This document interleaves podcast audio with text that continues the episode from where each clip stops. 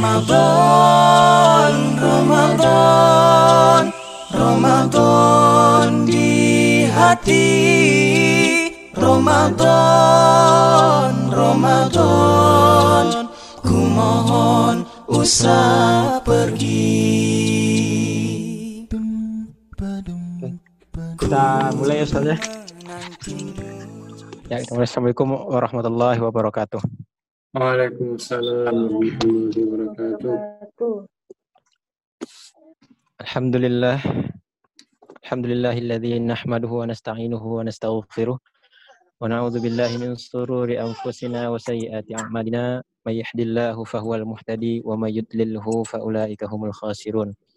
Asyhadu an la ilaha illallah wa asyhadu anna Muhammadan abduhu wa rasuluh. Allahumma salli wa sallim ala nabiyyina Muhammadin wa ala alihi wa sahbihi ajmain. Alhamdulillah rabbil alamin.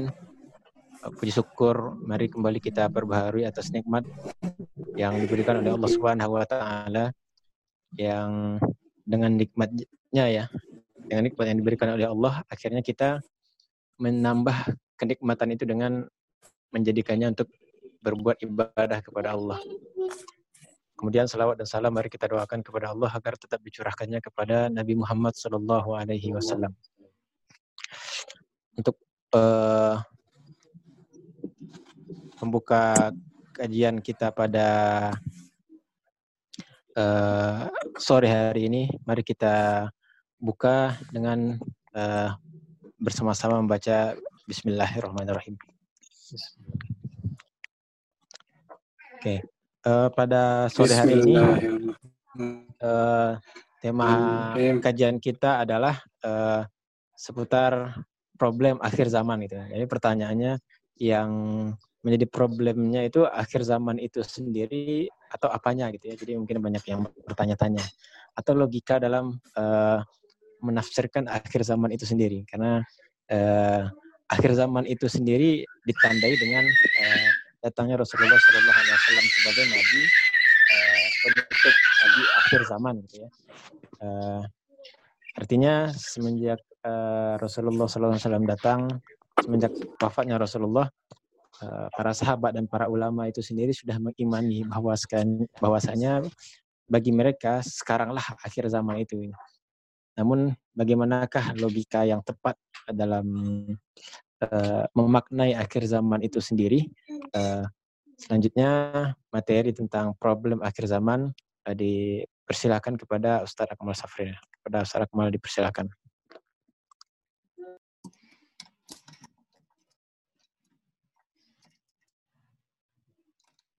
Bismillahirrahmanirrahim. Bismillahirrahmanirrahim. Assalamualaikum warahmatullahi wabarakatuh. Alhamdulillah. Hamdan katsiran kama amar. Asyhadu an la ilaha illallah wahdahu la syarikalah wa asyhadu anna Muhammadan abduhu wa rasuluh la nabiyya ba'da.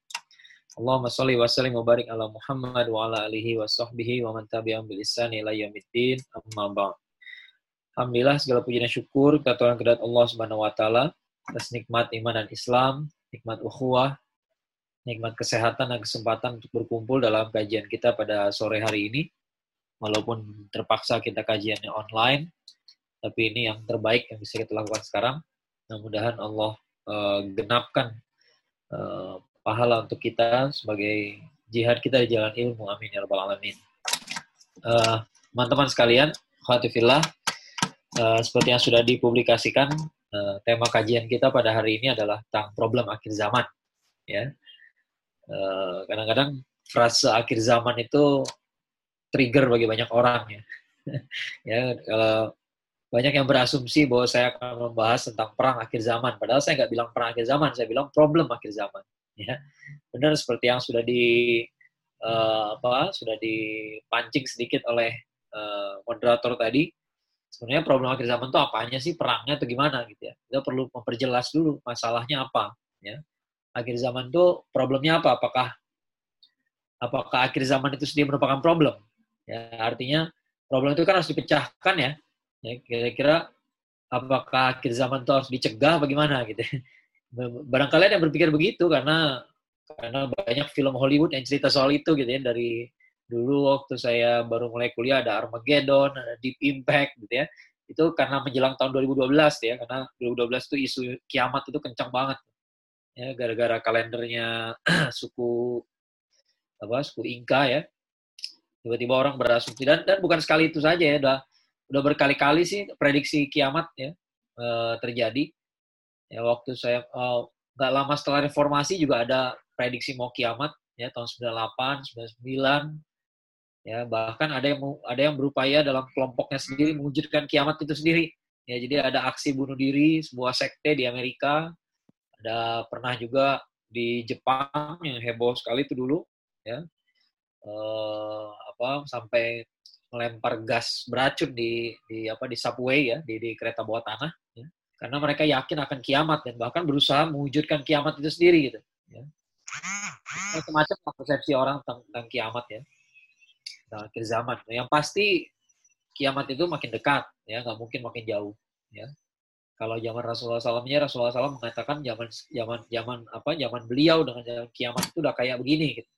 Ya udah kayak begini nih apa terjadi antara dua jari ini udah deket banget ya. Orang nanya ke orang nanya uh, banyak yang nanya ya. Kata Rasulullah SAW dulu kiamat udah deket ya. Kok sampai 14 abad belum kiamat juga ya?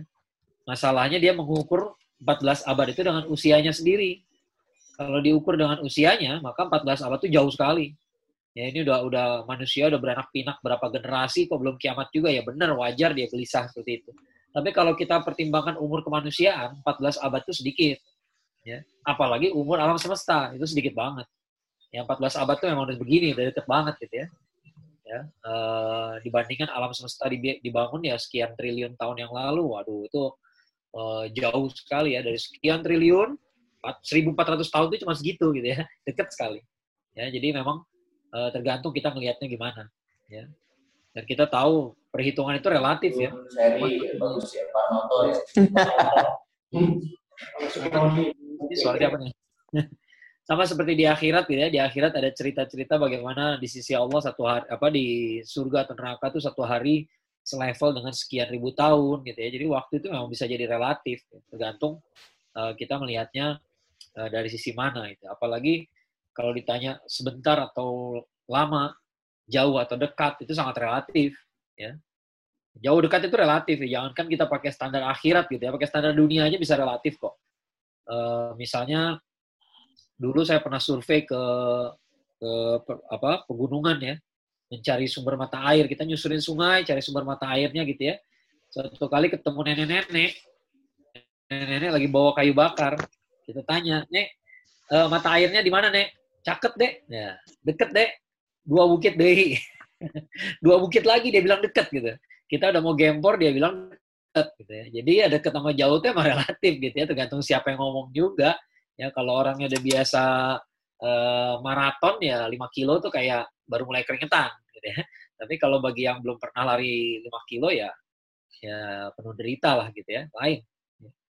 Nah jadi uh, yang pasti kiamat itu semakin mendekat, nggak mungkin makin jauh. Gitu ya. Akhir zaman tuh makin dekat, bukan makin jauh. Nah, uh, jadi masalahnya apa sih problem akhir zaman itu? Ya, Uh, ini saya kasih contoh ya, ada tentu saja ada banyak uh, hadis tentang akhir zaman, kita nggak mungkin bahas semuanya, ya terlalu banyak ya. Uh, ini sebagai contoh kasus aja nih, ada sebuah hadis riwayat uh, Bukhari, ya, yang mengatakan kurang lebihnya begini, uh, sesungguhnya di tanda-tanda kiamat itu, di antara tanda-tanda kiamat itu adalah ilmu diangkat, banyaknya kebodohan, banyaknya perzinahan, banyaknya orang minum khamar, uh, dan seterusnya ya dan seterusnya. Ada di situ jelaskan sedikit kaum lelaki banyak kaum perempuan gitu ya. Itu uh, contoh-contoh uh, akhir zaman tanda-tanda kiamat ya. Ilmu diangkat banyaknya kebodohan banyaknya persinahan banyaknya orang yang minum khamar ya. Nah kita lihat ah, pertanyaan saya adalah apa sih gunanya hadis ini diturunkan? Ya. apa gunanya? Supaya kita tahu kapan kiamat uh, mau datang. Lalu kalau kiamat mau datang mau ngapain apa mau dicegah? Apa mau dicegah terjadinya uh, apa ya semua kejadian tadi? Bagaimana ilmu diangkat kita cegah supaya jangan sampai ilmu itu hilang. Uh, kebodohan banyak terjadi maka kita cegah supaya ke kebodohan itu uh, tidak banyak gitu ya. Banyaknya perzinahan kita cegah supaya perzinahan itu nggak banyak. Ya, bahwa mencegah perzinahan iya pasti kita berusaha mencegah ya. Tapi bisa nggak kita mencegahnya? Ya. Padahal akhir zaman itu takdir. Ya, dan sesuai jadwalnya. Ya, jadi artinya kalau dari dari si apa kalau kalau hadis ini hanya bercerita saja, hanya deskriptif saja, maka sebenarnya nggak ada yang bisa kita perbuat. Ini tuh udah pasti terjadi. Ya. Ini tuh udah pasti terjadi. Nggak ada yang bisa kita perbuat. Ya, kita nggak bisa mencegah ilmu terangkat, kita nggak bisa cegah merebaknya kebodohan, kita nggak bisa mencegah banyaknya perzinahan, walaupun kita wajib mencegah, wajib berusaha gitu ya. Ya kita wajib berusaha supaya nggak banyak, uh, supaya kita nggak. Nah itu tapi tapi itu tadi kita nggak bisa mencegah fenomena yang terjadi. Ya. Nah lalu pertanyaannya untuk apa sih hadis ini diturunkan? Pasti ada amanahnya dong. Ya. Ada tujuannya gitu. Ada ada sesuatu yang yang Allah dan Rasulnya itu inginkan dari kita dengan menurunkan uh, tuntunan seperti ini. Ya. Apa sih yang yang yang Allah dan Rasulnya inginkan dari kita dengan deskripsi seperti ini? Ya. Sebenarnya sederhananya ya, yang yang yang yang yang diinginkan dari kita ini adalah ketika ilmu diangkat, ya, ketika kebodohan merajalela, jangan sampai kita jadi bagian di dalamnya. Kan gitu maksudnya kan? Ya. Ini tanda-tanda kiamat itu udah pasti akan banyak orang bodoh, tidak banyak. Sekarang kita banyak juga bahas pemimpin yang bodoh ya, pemimpin Roy Bidoh misalnya gitu ya. Apa sih tujuannya ada cerita kayak begitu? Ya. Apa kita cocok-cocokin aja? Uh, cocok sama sekarang gitu ya. Maka kiamat udah dekat. Kiamat udah dekat itu kita udah tahu. Udah selesai masalah itu tuh nggak penting lagi, udah bukan nggak penting ya. Artinya kita udah tahu gitu. Ya, kita udah tahu lah, udah cukup lah itu. Ya, kita udah cukup beriman ketika Rasulullah SAW mengatakan e, zamanku dengan akhir zaman itu udah tinggal ya bagaikan dua jarinya. Udah, udah beres lah ya kita udah beriman sama Rasulullah SAW udah pasti apa yang diomongin benar ya tapi bukan itu ya tujuannya bukan dicocok-cocokin udah pasti cocok ya tujuannya adalah ketika terjadi banyak kebodohan jangan kita terlibat di situ ya ketika ada pemimpin yang ruwai bido kita jangan jadi pendukungnya kita jangan jadi budaknya ketika banyak perzinahan jangan sampai kita jadi salah satunya ketika banyak orang minum khamar jangan sampai kita juga terjerumus dalam lubang yang sama. Ya, itu amanahnya. Ya. Nah, ini kenapa sih saya ulas ini dulu supaya kita apa? Supaya kita punya perspektif yang baru, yang benar gitu ya dalam memahami hadis-hadis akhir zaman. Tujuan hadis akhir zaman itu bukan dicocok-cocokin, karena udah pasti cocok. Ya, udah pasti cocok. Kita ini nggak perlu mencocok-cocokkan lagi, kita udah yakin.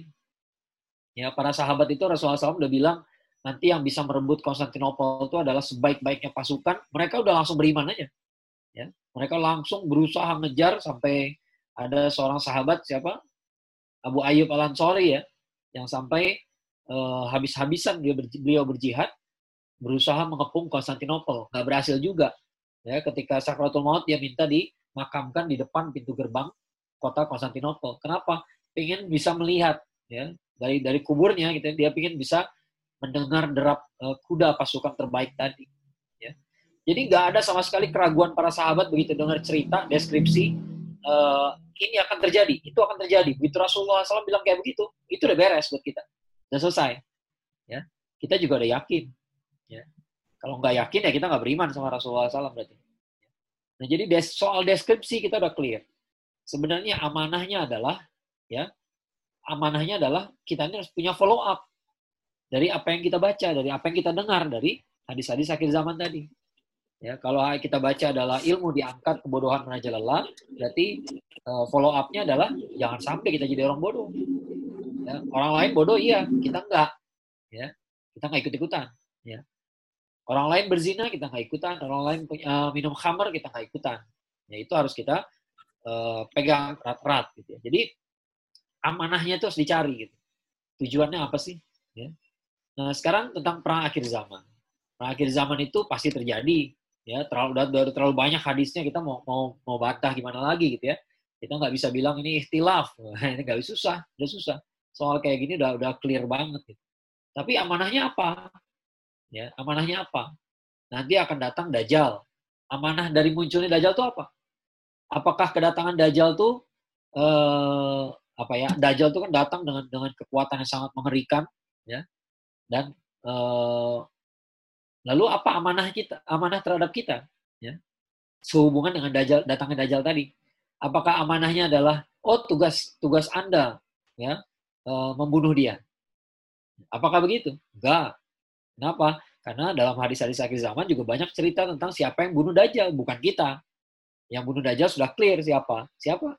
Nabi Isa alaihissalam yang diturunkan kembali. Jadi ada Imam Mahdi, ada Nabi Isa alaihissalam. Dua-duanya akan bersatu, menyatukan kekuatan. Nabi Isa lah yang akan membunuh, Nabi Isa alaihissalam yang akan membunuh Dajjal. Ya. Jadi udah clear. Jadi kita nggak usah nggak usah bertarget lagi ya. Mulai sekarang kita nggak usah latihan macam-macam gitu ya. Tujuannya apa? Bunuh Dajjal. Nggak bakal bisa. Ya, nggak bakal bisa kita bunuh, membunuh Dajjal. Ya. Dan lagi pula kalau kita baca deskripsi tentang Dajjal, kayaknya kita nggak bakal bisa juga gitu. Kalau kita pengen kita mau mau melatih kayak gimana pun nggak akan bisa. Nah, oleh karena itu kalau kita baca hadis-hadisnya jelas bahwa kalau ketemu Dajjal lari, ya lari bukan bukan uh, apa bukan petatang petenteng kelihatan dia masih jauh kita tungguin gitu ya jangan lari aja ya lari aja nggak bakal bisa kita kita menang nggak bisa kalau terpaksa kita hadapi tiba-tiba dia di depan mata ya bertarung lah. Tapi nggak bakal menang. Nggak bakal menang. Karena udah pasti yang bunuh dia bukan kita. Jadi kita udah pasti kalah. Ya. kalahnya terus gimana dong? Percuma dong. Nggak percuma. Kalahnya justru kalah yang keren. Nah kenapa? Kalau kita mati di tangan dajjal itu keren banget. Kenapa? Tandanya kita syahid. Dan syahidnya itu melawan musuh yang paling dahsyat. Ya. Nah, kenapa kenapa saya bilang keren kalau mati di tangan Dajjal? Nanti saya cerita, nanti saya kasih tambahan lagi ya. Nah, kita baca, baca baca dulu beberapa hadisnya yang tentang akhir zaman tentang atau spesifiknya tentang Dajjal ya, tentang Dajjal ya. Dajjal tuh kalau menurut sebuah hadis riwayat Muslim tuh dinyatakan uh, Dajjal tuh punya surga, punya neraka.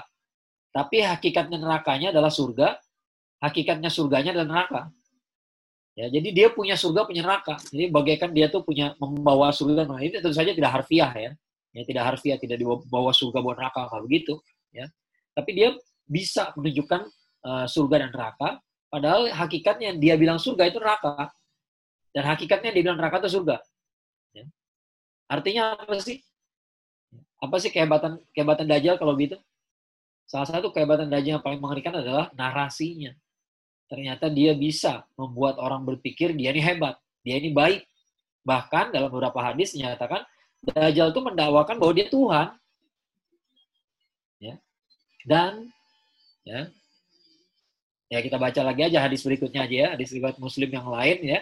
Uh, apa? Dajjal itu datang kepada suatu kaum lalu mendakwahi mereka. Ya. Mereka pun beriman kepada Dajjal, menerima dakwahnya. Setelah itu Dajjal memerintahkan langit untuk hujan dan memerintahkan bumi menumbuhkan tanaman. Turunlah hujan, tumbuhlah tanaman. Dahsyat ya. ya. Jadi bukan hanya narasinya hebat, tapi dia punya semacam mukjizat gitu. Dia bisa nurunin hujan dari langit, bisa numbuhin tanaman. Ya. Nah itu dahsyat sekali, itu keajaibannya jauh lebih lebih canggih daripada Dimas Kanjeng taat pribadi bisa ngeluarin duit dari punggungnya itu nggak ada papanya itu. Ya, makanya kata seorang teman saya, ya boro-boro fitnah dajjal. Fitnah Dimas Kanjeng taat pribadi aja udah, udah keok semua. Banyak yang sudah keok. Ya, tipuannya Sunda Empire aja banyak yang tertipu juga. Ya. Banyak yang percaya, ya. Jadi ini tipuan dahsyat sekali. Ya, tipuannya kata-katanya dahsyat, ya, narasinya canggih, gitu ya.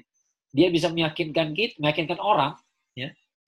Dan dia punya semacam mujizat. Saya bilang semacam karena kalau mujizat itu pasti uh, apa namanya konotasinya untuk para nabi ya untuk untuk kebaikan gitu ya kalau ini jelas orang buat kebaikan ya. bahkan dalam sebuah hadis lain masih riwayat muslim juga Dajjal itu bisa bunuh orang lalu dihidupkan kembali jadi dalam dalam hadis lain orang tuh bisa dibelah sama dia dibelah dua-duanya dibelah belah dua kedua belahan itu dibangunkan lagi bisa ngomong ya bisa ngomong ditanya ya lalu disatukan kembali ya nah ini kan uh, deskripsi yang menarik gitu. Deskripsi yang menarik.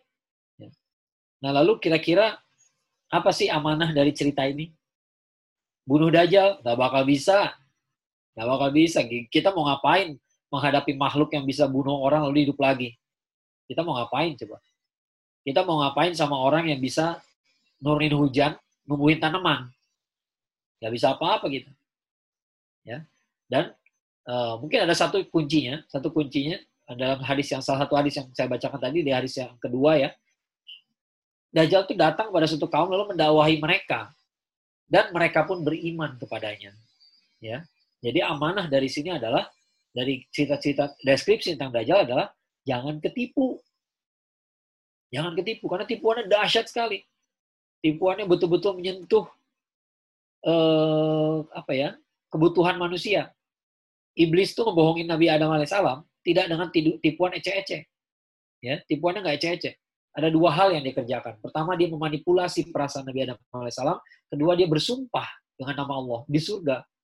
Nabi Adam alaihissalam nggak ngebayangin kok ada makhluk yang bisa berani bohong di surga itu. Nggak berani, nggak pernah kebayang.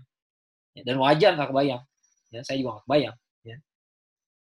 Uh, apa sih kebohongan Nabi uh, kebohongan iblis? Iblis itu bilang ke Nabi Adam alaihissalam, ya, ke bapak kita, kamu tuh kalau mendekati pohon itu nanti hidup selamanya di surga. Ini tipuan yang saya bilang dahsyat sekali karena memanfaatkan keinginan orang.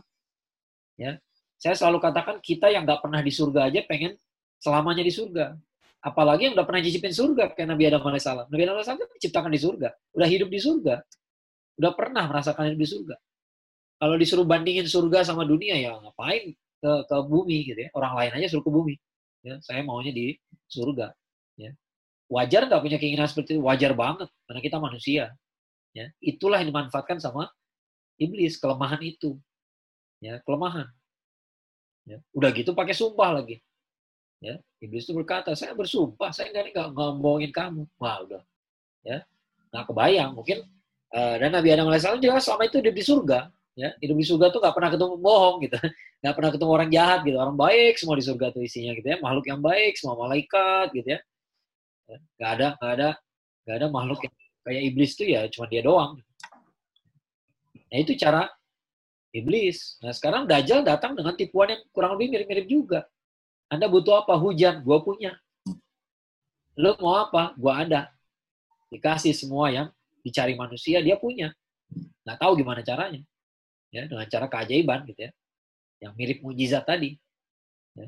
Dan jangan lupa tadi mujizat menghidupkan manusia manusia udah mati bisa hidup lagi. Kira-kira tuh mirip mirip mujizatnya siapa? Ya. Siapa nabi yang menghidupkan mati, manusia yang sudah mati? Nabi Isa alaihissalam. Sementara Nabi Isa alaihissalam sama Dajjal gelarnya sama, sama-sama Al-Masih. Sama-sama ditunggu-tunggu dan sama-sama muncul di akhir zaman. Ya. Kalau buat saya itu bertanda bahwa nanti akan sangat sulit membedakan mana Dajjal mana Nabi Isa alaihissalam ya bakal banyak orang ketipu. Kenapa? Dajjal ini meyakinkan dia punya keajaiban. Nah di situlah saya berpikir, ya ternyata para ulama dari dulu juga udah bilang, ya bahwa kita ini nggak boleh nggak boleh berpatokan pada keajaiban. Ya, belum tentu yang ajaib itu benar. Ya, belum tentu. Karena kalau keajaiban itu benar ya, ya itulah hasilnya. Ya, Dimas Kanjeng taat pribadi banyak pengikutnya ya para dukun bisa punya para pesulap barangkali bukan nggak sampai level dukun juga itu bukan sihir tapi sulap gitu ya barangkali mereka akan banyak pengikutnya ya ya kan keajaiban itu berarti karomah Ustaz belum tentu belum tentu ya karomah itu membantu dalam ketaatan. Dan kita lihat orang itu taat. Ya. Ini kalau karomah dia bisa berbuat macam-macam tapi dia nggak pernah sholat atau sholatnya nggak tambah bagus ya. Maka itu bukan karomah. Ya, karomah itu membantu dalam ketaatan. Saya pernah dapat cerita bagaimana ada seorang syekh di penjara, ya, penjara nggak usah sebutin penjaranya di mana ya, di negeri mana ya. Di penjara itu mereka disiksa ya dengan cara disuruh berduduk berlutut. Disuruh duduk berlutut di lapangan. Lapangannya lapangan beton. Duduk berlutut. Kapan? Dari duha sampai zuhur. Ya, sakitnya kayak apa tuh kaki? Kalau sebentar nggak kerasa. Kalau sebentar kayak duduk di antara dua sujud gitu ya, mungkin nggak apa-apa lah. Tapi kalau dari duha sampai su sampai zuhur, masya Allah, ya menderita sekali. Ya, apalagi orangnya udah tua, panggilannya ada syekh gitu ya. Eh, lalu kemudian waktu zuhur mereka dikasih kesempatan sholat, ya boleh berdiri. Ya, begitu berdiri, ya pastilah semua yang disiksa disuruh duduk berlutut itu ya, begitu berdiri ya eh, menderita, Ya, ada yang nggak bisa berdiri, ada yang kesemutan, ada yang waduh sakit persendiannya segala macem gitu ya. Kebayang lah tulang keringnya sakit. Tapi ternyata ada satu syekh yang langsung berdiri begitu aja, berdiri langsung wudhu langsung sholat. Ya. Kayak nggak ada apa-apa. Ya, malah dia bisa bantuin yang lain. Nah itu karomah. Kenapa? Karena kita lihat eh, keajaiban yang dialami membantu dia untuk sholat dan dia nggak nggak nggak meninggalkan sholatnya. Ya. Tapi kalau kita lihat orang bisa terbang, bisa ngapa-ngapain, tapi sholatnya nggak kelihatan, nah itu kita harus curiga. Ya, kita harus curiga, ini kenapa bisa begini ya? Kalau karomah itu udah jelas ada, karena Nabi uh, Umar bin Khattab juga pernah melihatkannya. Ya, Umar bin Khattab itu pernah melihat pasukannya uh, apa mau diserang lalu dia beliau berteriak lari ke atas bukit. Ya padahal pasukannya entah di mana jauh sekali. Ya dan entah gimana pasukannya dengar suara beliau. Ya lari ke atas bukit lari. Ya selamat deh. Nah, itu karomah. Dan kita tahu Umar bin Khattab siapa gitu. Jadi nggak perlu nggak perlu gelisah lagi. Ya ini bukan orang pembohong bukan tukang sihir. Ya maka itu karomah. ya. Nah kalau patokan kita keajaiban maka wajar kita tertipu sama dajjal. Ya. Bukan hanya keajaiban banyak juga banyak juga ya. Seperti saya bilang tadi setan itu menipu dengan mempermainkan perasaan kita mempermainkan fitrah kita. Fitrah kita apa sih? Kita suka sama kenyamanan keindahan ya pastinya kekayaan. Kekayaan itu juga bisa jadi fitnah. Tiba-tiba orang menganggap kekayaan itu sebagai tolong ukur kebenaran ya sekarang banyak orang kayak begitu. Giliran kita tegur seorang artis di medsos ya tiba-tiba fansnya bilang udah nggak usah nasihat nggak usah nasihatin orang deh gitu-gitu. Jadi dia, kaya. Nggak hubungannya sama kaya? Emang kaya berarti baik ya. Bukannya kita punya contoh korun dalam Quran ya. Lalu tiba-tiba sekarang ada yang mendakwahi orang supaya pengen jadi orang kaya ya. Pengen jadi orang kaya diajarin bersalawat caranya supaya apa kalau lihat mobil mewah salawatin biar dapat mobil mewahnya yang sama kalau lihat HP keren, salawatin biar dapat uh, eh, HP-nya. Terus kalau dapat berarti salawatnya diterima. Padahal orang kafir bersalawat nggak pernah salawat, dapat dapat juga tuh. Ya, belum tentu. Ya, belum tentu begitu. Kalau kita baca ayat di surat Al Al-Qasas ya tentang Korun, diceritakan bagaimana Korun itu keluar mengenakan semua perhiasannya. Jadi semua hartanya perhiasan dikeluarin ya. Oh, pokoknya apa bikin orang uh, keder lah ngelihatnya gitu ya.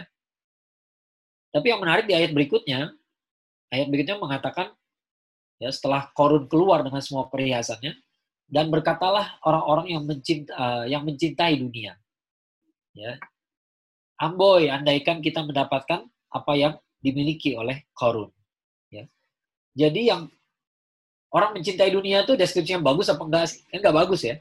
Ya karena Rasulullah SAW sendiri mengatakan kan e, penyakitnya orang yang apa dia di akhir zaman itu orangnya wahan apa cinta dunia takut mati. Jadi cinta dunia itu enggak bagus, deskripsi yang enggak baik. Gitu.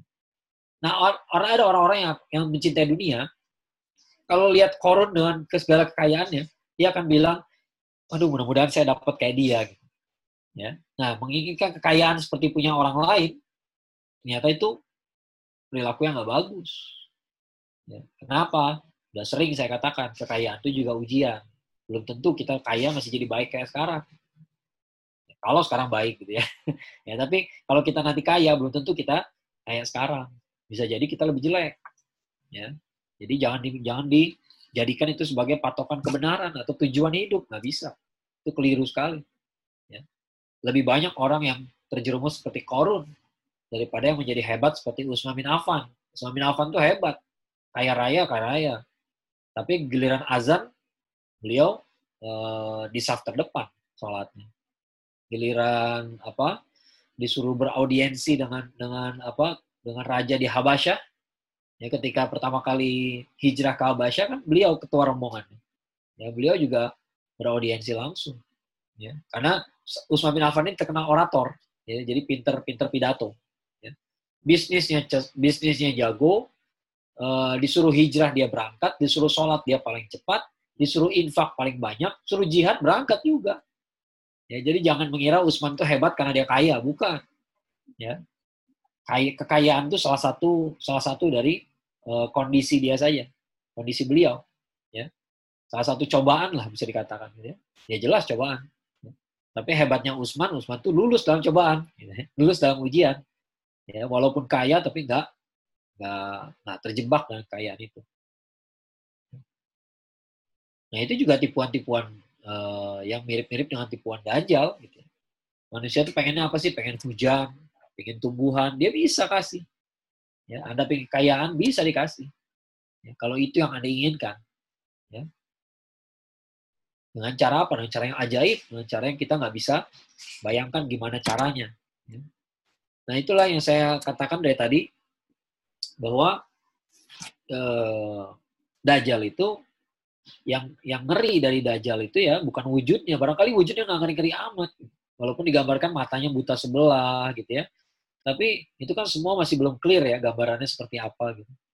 Ya kalau menurut saya yang kalau Dajjal itu seperti monster gitu ya, kayak Godzilla gitu ya, saya rasa aman. Kenapa? Karena begitu dia muncul pasti kita lari semua. Ya, kabur gitu ya, takut lihatnya. Tapi nyatanya banyak yang beriman. Ya, beliau ber, apa di Dajjal itu berdakwah dan banyak yang beriman. Artinya dia punya sesuatu yang bisa meyakinkan. Dan kalau orang-orang hanya berpatokan pada hal-hal yang materialistis, pada keajaiban, ya kalau dia cuma pengen kaya doang, oh, nanti dia akan ngetes Dajjal gitu datang Dajjal, kata Dajjal saya Tuhan kamu. Ah, buktiin coba saya pengen kaya. Tiba-tiba Dajjal bisa kasih kekayaan. Udah dah, pindah agama. Bukankah di sekarang juga banyak kayak begitu? Banyak orang pindah agama gara-gara kekayaan. Ya, gara-gara dibayarin utangnya, gara-gara anaknya disekolahin, gara-gara dikasih satu dus Indomie, dikasih kompor, pindah agama. Sekarang juga ada kok. Ya. Jadi nanti kalau Dajjal pakai tipuan kayak gitu ya jangan heran juga. Gitu. Gak sesuatu yang ajaib banget, ya sesuatu yang baru banget. Ya. Ya, ini pasti Dajjal ini punya sesuatu yang bisa meyakinkan kita. Ya, dia bisa ngasih keajaiban dan dia bisa ngasih e, narasi yang kuat ya, sehingga orang e, membayangkan bahwa dia inilah yang benar dia ini nggak salah ya. nah memang susahnya di situ kalau orang e, apa ya kalau orang perilakunya udah kelihatan nggak benar ya kita gampang mendetek, mengatakan bahwa ah dia mah orangnya nggak benar tapi kalau ini orang meyakinkan ya apalagi sampai punya keajaiban segala gitu ya oh kita susah Ya. Mana uh, katanya dia sesat, nyatanya dia baik kok. Saya minta sesuatu dikasih sama dia. Berarti dia baik kok. Nah, berarti kita ngukur kebaikan dari apa? Dari kita dikasih apa enggak. Ya. Jadi kalau dia mau ngasih saya, berarti dia orang baik. Kalau dia nggak mau ngasih, berarti nggak baik. Ya. Jadi itu cara kita berpikir, keliru. Ya. Tolok ukur kebenaran bukan itu semua. Ya. Kebenaran adalah kebenaran. Ya. Belum tentu yang benar itu kaya, belum tentu yang benar itu hidup senang, belum tentu. Ya. Banyak orang benar, tapi terpaksa hidupnya menderita. Banyak orang benar, tapi pada akhirnya terpaksa dibuang misalnya. Ya. Para pahlawan kita banyak kayak begitu kan. Mereka benar, tapi mereka kalah dan terbuang. Pangeran Diponegoro dibuang, diasingkan. Cut Nyadin dibuang. Kemang Bojol dibuang juga. Apakah kita akan bilang mereka salah? Mereka nggak salah. Ya. Mereka kalah. Ya. Kalah itu belum tentu salah. Ya. Belum tentu salah. Yang menang belum tentu benar. Ya. Dulu Mongolia bisa ngancurin Baghdad di zaman dinasti, uh, di zaman Daulah Abbasiyah. Apakah kita mau bilang mau orang Mongolia benar karena dia menang? Enggak. Menang dan kalah itu kan sementara aja. Yang sekarang menang nanti kalah juga. Orang Mongolia tuh bisa ngancurin Baghdad, ibu kota Daulah Abbasiyah, tapi begitu mereka sampai ke India, anak cucunya mereka udah masuk Islam. Ya.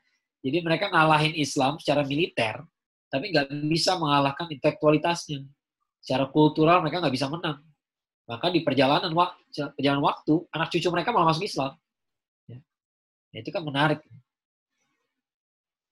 Nah, jadi apa sih kebutuhan problem kita di akhir zaman? Kembali pada pertanyaan awal. Gitu. Apa problem kita di akhir zaman? Apakah problemnya kalau ketemu Dajjal kita harus harus bertarung? Nggak harus bertarung ya sebisanya lari.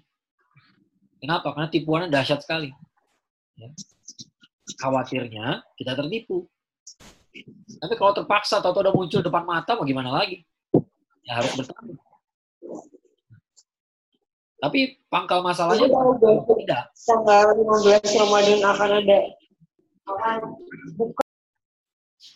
Pangkal masalahnya itu bukan bertarung atau tidak. Pangkal masalahnya adalah kita di posisinya di mana nanti di akhir zaman, ketika Dajjal sudah datang, posisi kita di mana? Apa yakin kita akan melawan? Yakin kita akan melawan? Belum tentu. Makanya opsi pertama lari tadi. Lari dulu. Kalau terpaksa ya hadapi. Tapi bisa mungkin jangan terpaksa dong. Bisa mungkin lari dulu. Ya, yang akan beresin Dajjal siapa? Bukan kita. Yang akan bisa kita. Ya. Jadi masalah problem akhir zaman itu sesungguhnya adalah memastikan posisi kita di mana. Ya. Kita bukan Imam Mahdi.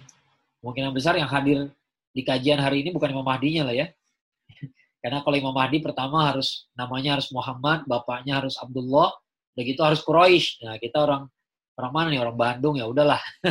ya relain aja lah ya. Relain kita bukan Imam Mahdi gitu ya. Ya kita bukan Imam Mahdi walaupun kita bisa kasih nama anak kita Imam Mahdi gitu bisa tapi nggak bisa ya. Bukan bukan kita. Ya. Kita bukan Nabi Isa alaihissalam. Ya, bukan kita. Relain aja. Karena Nabi Isa alaihissalam turun. Ya, turun di mana? Di Damaskus, bukan di Bandung. Jadi ya relain aja. Nah masalah sesungguhnya apa? Dajjal kan masalahnya? Enggak, Dajjal udah pasti datang. Ya. Itu bukan masalah dalam arti nggak bisa dicegah lagi. Gitu. Ya. Maksud saya itu bukan masalah itu begitu. Ya. Bukan sesuatu yang bisa kita kita antisipasi, nggak mau nggak bisa dipapain, nggak bisa kita cegah maksudnya ya. Sorry, diantisipasi ya harus, dicegah nggak bisa. Nggak bisa kita cegah kedatangan Dajjal nggak bisa. Pokoknya pasti datang sesuai jadwal ya dengan tanda-tanda yang persis seperti yang diceritakan. Ya. Gak bisa gak bisa Dajjal itu datang tapi tanpa kekuatan yang diceritakan. Udah pasti dapat kekuatan itu. Ya, karena itu udah diceritakan dalam hadis-hadis akhir zaman. Udah pasti datang selesai. Ya. Maka apa amanah dari situ? Amanahnya adalah kalau Dajjal itu datang, jangan sampai kita jadi bagian dari pengikutnya. Ya. Nah, lalu apa yang perlu kita perlukan buat buat apa ya? Menjawab problem tersebut. Ya, kebutuhan kita sebenarnya ilmu, ya, bukan yang lain. Ya. Yang lain perlu disiapkan, tapi bukan itu yang paling utama. Ya, misalnya senjata. Ya. Kadang-kadang orang kalau dengerin perang akhir zaman, fokus dia sama senjata. Ya. Lalu dia mikirin senjata. Senjatanya apa? Macam-macam penafsirannya. Ada yang menafsirkan nanti di akhir zaman teknologinya hancur. Maka kita punya pedang, panah, tombak. Nah, itu lagi yang dipakai gitu ya. ya ya udahlah dipersiapkan pedangnya, diasah dari sekarang, gitu, misalnya gitu ya. Ada yang berpikir seperti itu, ya. Oke okay lah, gitu. oke okay, boleh lah kalau dia betul-betul bersiap seperti itu. Tapi ya nggak akan membunuh Dajjal juga, ya, nggak akan membunuh Dajjal. Dan kalau Dajjal di barisan depan, yang saya khawatirkan adalah bukan kita terbunuh sama dia. Kalau terbunuh sama dia, itu keren. Seperti saya bilang tadi, itu tadi, tadi saya bilang ya, kenapa kalau kita mati di tangan Dajjal, itu syahid yang keren banget. Kenapa? Karena tandanya begitu dajjal, dajjal kita kita menghadapi dajjal, kita nggak ketipu. Ini tipuan yang paling hebat di sepanjang masa. Ya, sepanjang masa itu yang paling hebat tipuannya tipuan dajjal. Kita menghadapinya dan kita melawan. Wah itu keren banget bos. Ya, mati sih mati, gitu ya. mati sih mati. Ya, tapi syahid yang paling keren. Kenapa? Membuktikan bahwa kita nih bisa berdiri tegak di hadapan uh, musuh akhir zaman. Wah, masya Allah, keren banget. Ya. Jadi mati mati mati itu mestinya bukan masalah gitu bukan masalah ya, menang kalah itu bukan masalah masalahnya adalah kita di pihak mana karena begitu nanti kita berhadapan dengan pasukan di akhir zaman misalnya gitu ya, ya paling depannya dajjal ya waduh bersyukur banget kalau kita bisa ngelawan ya, ngelawan aja itu udah udah udah udah, udah penting udah menang kita sebenarnya ya kita ini udah berhasil kalau kita melawan yang kacau kalau kita nggak ngelawan atau kita jadi pengikut dia bahkan kalau lebih lebih ya. nah itu Itulah problem akhir zaman. Problem akhir zaman itu adalah memiliki apakah kita punya ilmunya. Sehingga kita ini selamat dari fitnah akhir zaman. Selamat dari tipuannya Dajjal. Ya, kalau logikanya logika keajaiban, nanti gak bakal selamat sama Dajjal. Ya. Kalau logikanya logika keajaiban, gak akan selamat. Kenapa? Karena Dajjal punya keajaiban. Banyak sekali keajaibannya. Orang dibelah, bayangin ya, orang dalam satu hadis diceritakan, orang tuh bisa dibelah sama dia, udah gitu belahan itu bisa hidup ya. kemudian disatuin lagi nah itu ngomong ya. Begitu orang itu bisa bisa bisa sehat lagi waduh itu eh, tipuannya pesulap kayaknya nggak ada yang segitu-gitu amat ya tipuannya master limbat ya kayaknya nggak sampai motong orang kayak begitu gitu itu itu bukan tipuan lagi itu ya betul-betul keajaiban kalau logika itu keajaiban dari tadi ngomongin logika keajaiban pentingnya di mana sih Emang ada umat muslim? Berapa banyak sih umat muslim yang punya logika seperti itu? Banyak. Banyak sekali. Ya, banyak sekali. Banyak orang yang nggak mau menggunakan rasionya dalam berpikir. Kita kita kita lihat dalam keadaan pandemi sekarang, betapa banyak orang tidak rasional. Ya, banyak sekali orang nggak rasional. Banyak orang bilang nggak apa-apalah kita ke masjid, kenapa dilarang-larang sih? Masjid itu rumah Allah. Kalau kita ke rumah Allah, kita dilindungi sama Allah. Nggak bakal kena wabah. Itu nggak rasional. Ya, kenapa? Karena dia nggak berpikir dengan perspektif sunatullah. Sunatullah itu dua kata, sunnah sama Allah. Sunnah itu hukum, ketetapan, kelaziman, kebiasaan. Ya, yang biasa terjadi sunnah Rasul adalah kebiasaan Rasul, kebiasaan Rasulullah SAW. Rasulullah SAW minumnya pakai tangan kanan. Nah itu sunnah Rasul. Ya. Jangan pakai tangan kiri. Ya. Salah, nggak boleh. Ya. Kebiasaan Nabi seperti apa? Begini, gini, gini, gini. Nah itulah sunnah Rasul. Nah, sunnah Allah bukan kebiasaan Allah, tapi kebiasaan yang terjadi di alam semesta ini yang Allah tetapkan. Itulah sunnatullah. Jadi dua sisi. Pertama, ini lazim terjadi, makanya namanya sunnatullah. Yang kedua, sunnah ini ditetapkan oleh Allah, makanya namanya sunnatullah. Ada Allahnya di belakang. Ya, jadi ini bukan hukum alam, tapi hukum Allah. Ya, bukan hukum alam. Yang nulis bukan alam, yang nulis adalah Allah. Karena yang nulis Allah, maka Allah juga yang bisa membuat pengecualian atau yang bisa menghapus hukum itu. Ya, itu hikmahnya. Kalau teman-teman baca surat An-Naba, misalnya bagian awalnya kan cerita tentang keteraturan. Alam najalil ardo mihada wal jibala autada wa khalaqnakum azwaja wa ja'alna nawmakum subata wa ja'alna laila libasa wa ja'alna nahara ma'asya wa banayna fawqakum sab'an shidada wa ja'alna sirajan wa haja wa anzalna minal mu'sirati ma'an sajaja linukhrija bihabba wa nabata ya turunin hujan dari langit muncul kebun-kebun dan tanaman-tanaman. Wajannatin alfafa. Ya. Tiba-tiba, inna yaumal fasli kana miqata. Yauma yunfakhu fis suri fatatuna afwaja. Wa futihat sama fakanat awaba. Jadi dalam langit dalam langit itu tiba-tiba terbuka pintu-pintu. Itu kan nggak lazim. Lazimnya langit ini nutup gitu ya, rapet gitu. Nggak nggak meteor aja ada ada ada jutaan tapi sedikit yang nyampe ke bumi. Ya, yang tadinya besar segede rumah, kalaupun masuk ke atmosfer kita jadinya cuma segede kerikil. Ya, rapet langit itu. Tapi tiba-tiba terbuka pintu-pintu. Itu kan sesuatu yang nggak lazim. Ya, sesuatu yang nggak lazim. Jadi ini tuh kelaziman dari Allah, kelaziman yang Allah tetapkan. Tapi karena Allah yang menetapkan, maka Allah bisa mengubah kelaziman itu. Ya, itu cerita di surat An-Naba. Jadi ketika kiamat terjadi, semua hukum Allah Allah balikin yang tadinya uh, apa? Bijaan fi uh, apa? Bijaan fi uh, yang tadinya apa? Gunung Allah jadikan sebagai pasak ayat keberapa tuh? Ayat ketujuh ya. Tiba-tiba berubah menjadi bergerak seperti fata morgana ya. Bergerak seperti fata morgana goyang-goyang dia. Tadinya pasak-pasak tuh kan mantep diem cuk gitu ya. Tiba-tiba gerak-gerak ya. ya. Lazimnya malaikat eh malaikat gunung tuh diem. Tapi di akhir ketika terjadi kiamat Allah pindahin. Nah itu cerita surat an-naba itu begitu. Kenapa kenapa alur ceritanya begitu? Pertama ceritakan tentang keteraturan. Tiba-tiba ketidakteraturan. Tiba-tiba kiamat. Setelah itu nasib penghuni neraka. Habis itu baru nasib penghuni surga ya. Itulah cerita surat an-naba. Jadi ada dua sisi dari sunatullah. Pertama ini kelaziman. Yang kedua kalau sewaktu-waktu Allah mau ubah, bisa.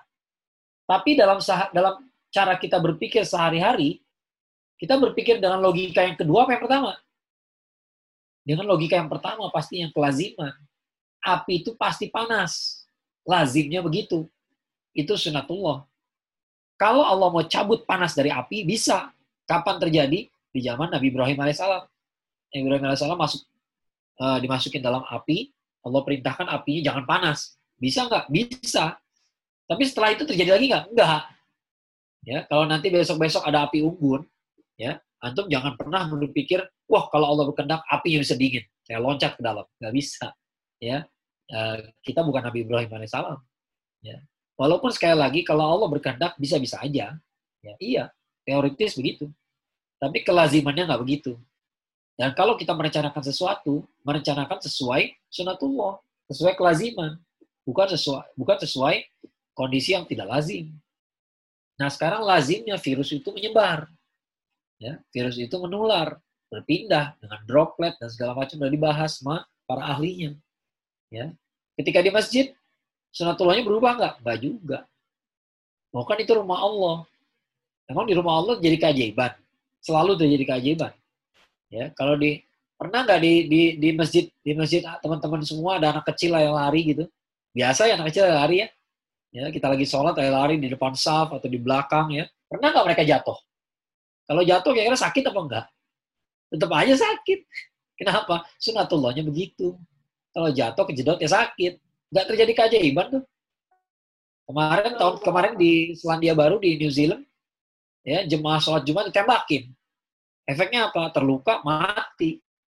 Ternyata yang sunatullahnya orang ditembak terluka, di masjid ditembakin, terluka juga. Ya, jadi jangan pernah beranggapan bahwa mentang-mentang ini rumah Allah, maka yang terjadi hanya keajaiban. Enggak, tidak keajaiban. Ya, tetap aja empat rokat, ya harus empat rokat, nggak bisa dilipat jadi dua, nggak bisa dilipat dikurangi jadi satu. Kenapa? Keajaiban. Nggak ada keajaiban. Tetap aja sunatullah itulah jadi acuan kita. Bahwa bisa terjadi keajaiban, memang betul. Ya, siapa yang menyangkal? Nggak ada. Karena itu nggak ada yang geli, nggak ada yang heran juga kalau kayak di Aceh dulu ya, ada satu kampung kesapu ombak, tapi masjidnya selamat. Ya, gimana menjelaskannya? Saya juga nggak tahu gimana menjelaskan. Barangkali memang keajaiban. Memang Allah berkehendak memuliakan satu masjid itu barangkali bisa jadi.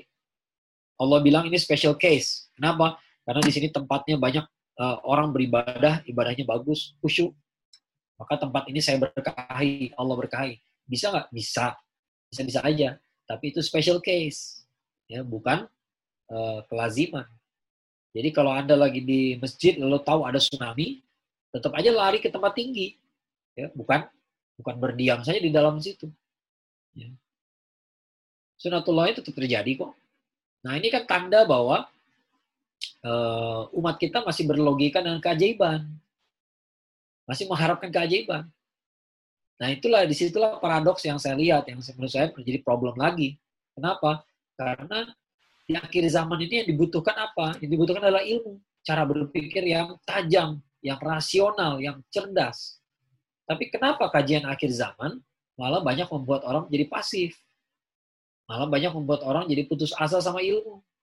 Nggak usah belajar lah. Kenapa? Nanti kalau fase duhon, teknologi hancur. Buat apa lagi teknologi? Ya. Akhirnya orang nggak belajar. Ya. Akhirnya orang berlogika dengan keajaiban. Nanti juga Imam Mahdi datang, pokoknya kita gabung aja sama dia. Yakin kita akan gabung sama Imam Mahdi. Jangan-jangan kita udah gabung bersama Dajjal. Nah, untuk bilang medalik. Ya. Tanpa ilmu, nggak gampang bergabung sama Imam Mahdi itu nggak gampang. Ya, siapa tahu nanti kita kita ketemu di depan kita ini ada Nabi Isa alaihissalam, ada Dajjal. Kita lihat Dajjal ini kaya raya, ya kaya raya, bisa nurunin hujan. Nabi Isa alaihissalam ternyata nggak kaya. Ya. Yakin kita bakal di kubu Nabi Isa alaihissalam. Kalau ilmu kita cetek, ya kalau ilmu kita cetek, ilmu kita cuma sebatas ngikutin selebgram, ya, sebatas ngikutin youtuber gitu ya. Ya, kayak kemarin nih youtuber yang yang prank orang bagi-bagi sembako isinya batu bata gitu kan ya, kalau menurut anda yang kayak gitu keren ya, ya anda nggak bakal jadi pengikut Imam Mahdi lah kayak gitu caranya mah ya, kalau kalau gitu caranya nggak bakal jadi pengikut Imam Mahdi kalau ketemu Islam liberal aja udah keder udah nggak bisa logika kita langsung bilang Uh, Ustaz, saya nggak bisa menghadapi logikanya Islam liberal. Mereka pinter banget, ya. Kalau kayak gitu ya nggak bisa ya udah, ya. Jangan harap kita akan dikubur Nabi Imam Mahdi. Belum tentu. Di kubunya Nabi Isa AS. Jangan-jangan di kubu sebelahnya. Ya. Karena logika kita nggak kuat. Karena akal kita lemah. Karena ilmu kita tipis. Ya. Jadi problem akhir zaman itu sesungguhnya ilmu. Ilmu yang bisa memastikan kita di posisi yang benar. Posisi yang benar aja yang penting. Bukan menang kalah. Menang kalah ini udah pasti kok yang menangin siapa. Ya, yang memenangkan pertempuran itu Allah. Ya, yang ngebunuh Dajjal itu Nabi Isa. Yang mimpin umat itu yang Mahdi. Udah selesai. udah cerita, akhir ceritanya aja udah clear kok. Akhir ceritanya adalah kita menang, umat Islam menang. Habis itu nanti di suatu saat uh, bahkan diceritakan Nabi Isa SAW hidup bersama kita sampai berapa berapa tahun, ya diceritakan. Ya, kemudian akan tiba suatu masa di mana uh, tiba-tiba setiap setiap mukmin meninggal duluan. seret meninggal, habis itu baru terjadi kiamat yang serem banget. Ya, kiamat yang begitu menakutkan itu terjadi menimpa orang, -orang kafir, bukan kita. Ya, mudah-mudahan bukan kita ya. Kalau kita kalau kita orang beriman ya di zaman insya Allah bukan kita. Ya. Akhir ceritanya udah jelas. Ya. Anda cuma perlu memastikan Anda di posisi yang benar itu aja. Ya. Kalau mati gimana? Gak apa-apa mati. Yang penting posisi yang benar. Ya. Mati mati itu persoalan yang lebih ringan ketimbang di mana posisi kita. Ya, itu yang paling gawat. Ya. Karena kalau kita mati di posisi yang benar, ya kita masalah kita beres setelah kematian. Tapi kalau kita mati atau hidup, tetap hidup, tapi di posisi yang salah, cilaka kita di akhirat. Ya. Jadi sesungguhnya problem utama kita ini, sekali lagi saya ulang-ulang terus ya, akhir zaman itu problemnya adalah ilmu, bukan persenjataan. Ya, kita ini nggak punya tuntutan harus menang melawan dajjal, enggak. Ya, kita nggak punya tuntutan harus uh, kan harus perang juga Ustaz ya. Masa tuh ya perang akhir zaman kita nggak perang? Iya benar. Kan saya bilang kita harus punya posisi. Ya, artinya ketika terjadi perang kita juga punya posisi. Kita harus mengambil posisi juga, bukan berarti diam, ya. Maksud saya bukan itu. Kita ini udah pasti apa, tapi memastikan kita terlibat dalam perang itu aja suatu hal yang pelik gitu, bukan hal yang gampang. Ya. Bisa jadi nanti kita akan tergoda untuk tidak terlibat. Bisa jadi nanti kita akan tergoda untuk mengatakan, udah terserah aja deh, perang-perang deh, gue capek. Gue mau ngurusin uh, cari duit aja lah. Ya, bisa jadi begitu. Belum tentu kita di kubu yang benar. Jangankan perang akhir zaman, sekarang aja udah banyak kayak begitu kok. Sekarang aja orang banyak orang yang menolak untuk uh, menolak mengambil posisi. Ya, pokoknya saya mau netral aja. Ya, udah kayak begitu mah ya udah ke laut aja. Ya, di akhir zaman gak bakal selamat. Selamat dalam arti bukan mati gitu ya. Bisa jadi dia selamat dalam arti hidup, tapi akidahnya nggak selamat. Tapi posisinya nggak benar. Bukan di kelompok yang benar. Itu paling mengkhawatirkan sekali. Itu yang paling kita khawatirkan. Nggak ada lagi selain itu ya, yang kita khawatirkan. Nah, meyakinkan kita di posisi yang benar, itu juga masalah yang sangat tricky. Ya, oleh karena itu kita butuh ilmu yang kuat. Ya. Gak bisa kita nih dengerin orang ngomong lalu kita percaya begitu saja. Ya, gak bisa. Kata-kata itu harus dibuktikan. Seperti saya bilang tadi, ya, kita ini gak boleh cuma denger saya ini nabi percaya aja gitu.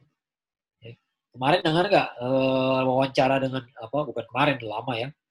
Wawancara dengan para pengikut keraton sejagat. Kasihan, kasihan itu dengarnya gitu ya. Ada tukang bangunan sampai keluarin duit sejuta buat beli pakaian seragamnya tukang bangunan sejuta tuh gede loh. Ya, tukang bangunan tuh punya duit sejuta di, di tangan tuh besar sekali. Sedih kita dengarnya. Kenapa percaya sama keraton sejagat? Ya kan saya orang Jawa. ya, jawabannya gitu aja. Ya. Ya, kalau yang kayak begitu ya sama keraton sejagat juga beres. Ya, ditilep lah duitnya habis. Tertipu lah. Kalau yang melihatnya gagah-gagahan, Sunda Empire kurang gagah gimana?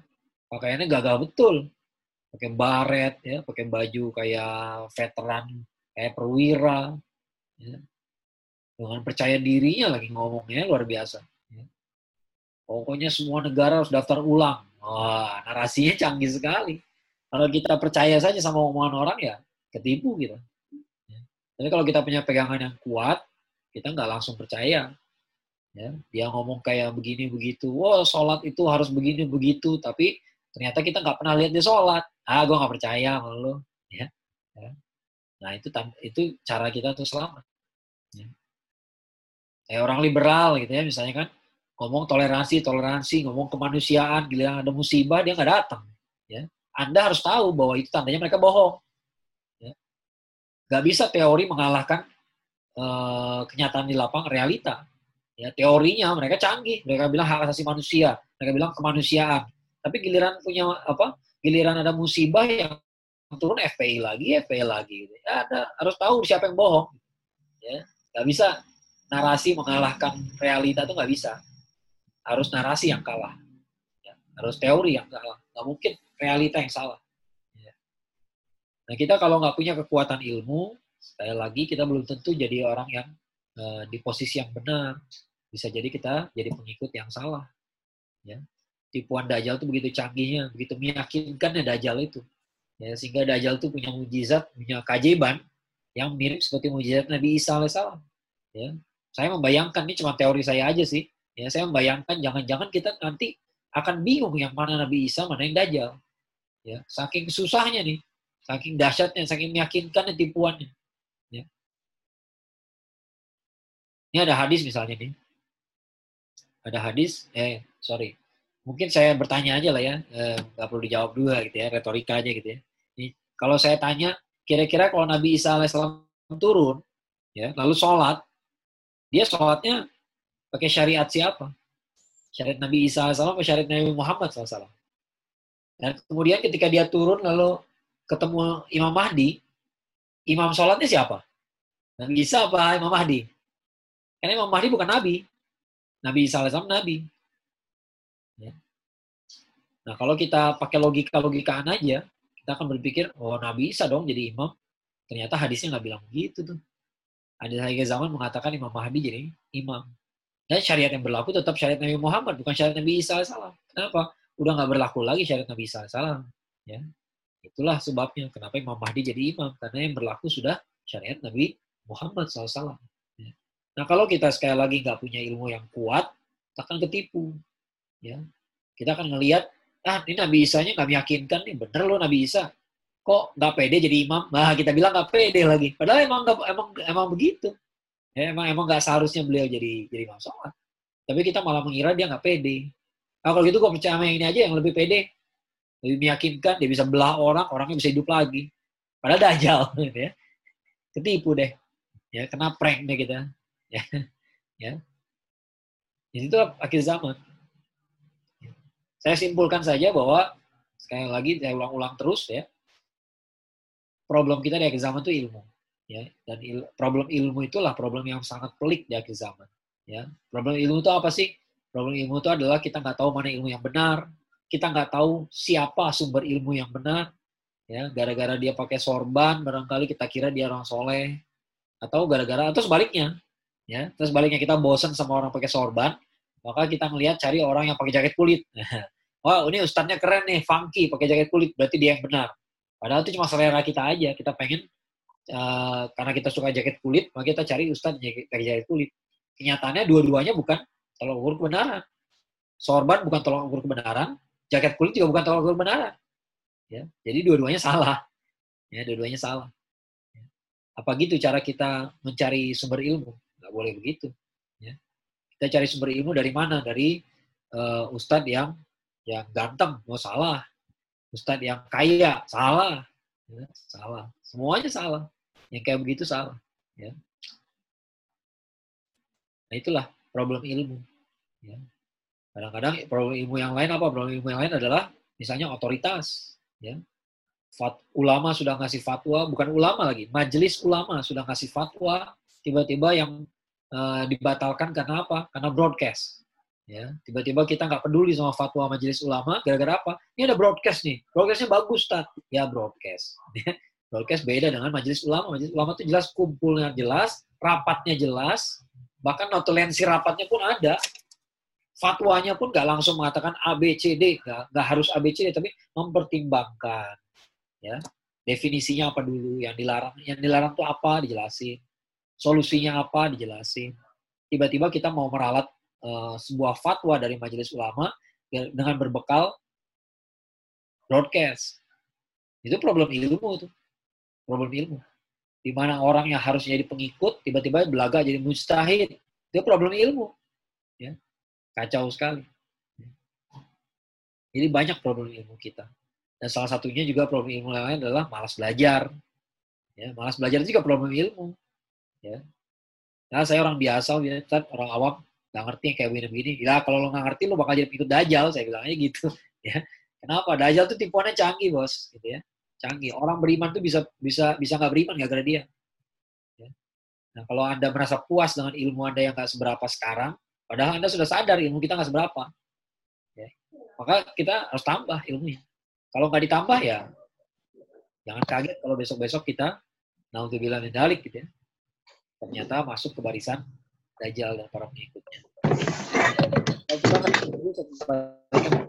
Ah, Andri atau ya, ya jazakallah, jazakumullah Ustaz. uh, selanjutnya kepada teman-teman yang mau bertanya silahkan langsung saja. Yes. Ya, silakan teman-teman yang mau tanya. Ah, ah.